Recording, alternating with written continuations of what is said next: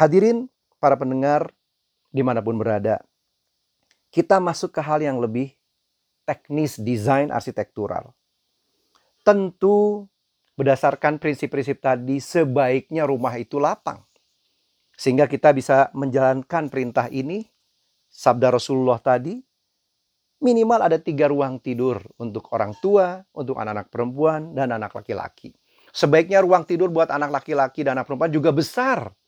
Karena siapa tahu Allah mengkaruniai anak lebih dari dua. Ya, dua perempuan, tiga perempuan, tiga laki-laki, dua laki-laki. Sehingga apabila kamarnya cukup besar, maka mereka bisa mempunyai tempat tidur sendiri-sendiri secara tempat tidur bertingkat, bunk bed, ya, dalam istilah arsitektur.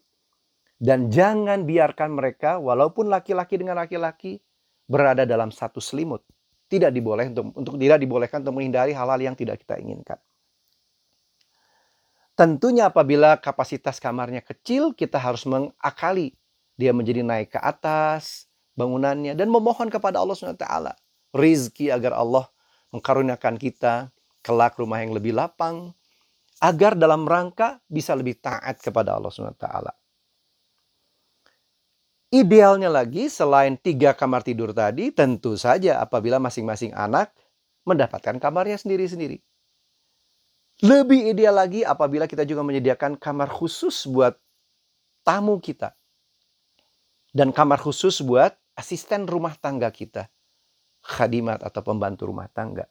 Sehingga mereka punya privasi sendiri. Memuliakan tamu adalah bagian dari keimanan di dalam Islam.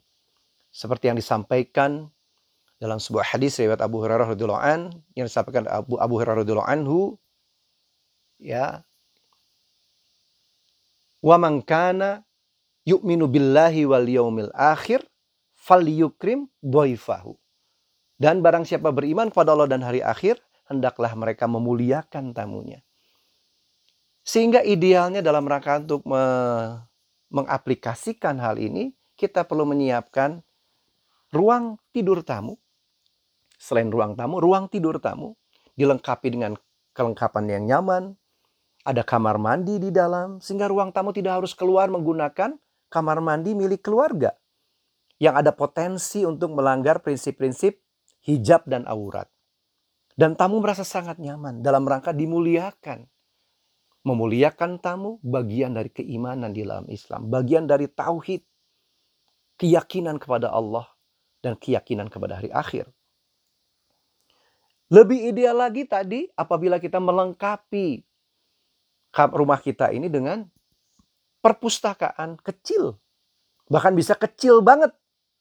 Karena tidak harus berupa ruangan, cukup berupa lemari-lemari rak untuk buku-buku. Buku-buku yang menjadi rujukan utama dalam menghadapi kehidupan di dunia dan di akhirat. Ya, buku-buku yang terkait dengan tauhid, terkait dengan syariat, dengan akhlak, dengan fikih, dengan muamalah, tafsir, itu harusnya menjadi perpustakaan awal dari seluruh muslimin dan muslimat. Juga buku-buku yang terkait dengan pelajaran sehari-hari, terkait dengan bakat talenta yang diberikan Allah kepada kita. Itu perlu kita lengkapi. Nah, dalam sebuah rak buku, idealnya tentu saja dalam buah perpustakaan kecil, yang sehingga keluarga ini menjadi ahli ilmu keluarga pembelajar. Melakukan segala sesuatu berdasarkan ilmu. Ya. Ya. Dalam sebuah bab tentang amal, seorang penulis Islam memberikan judul babnya Babun Ilmu Qabla Amal.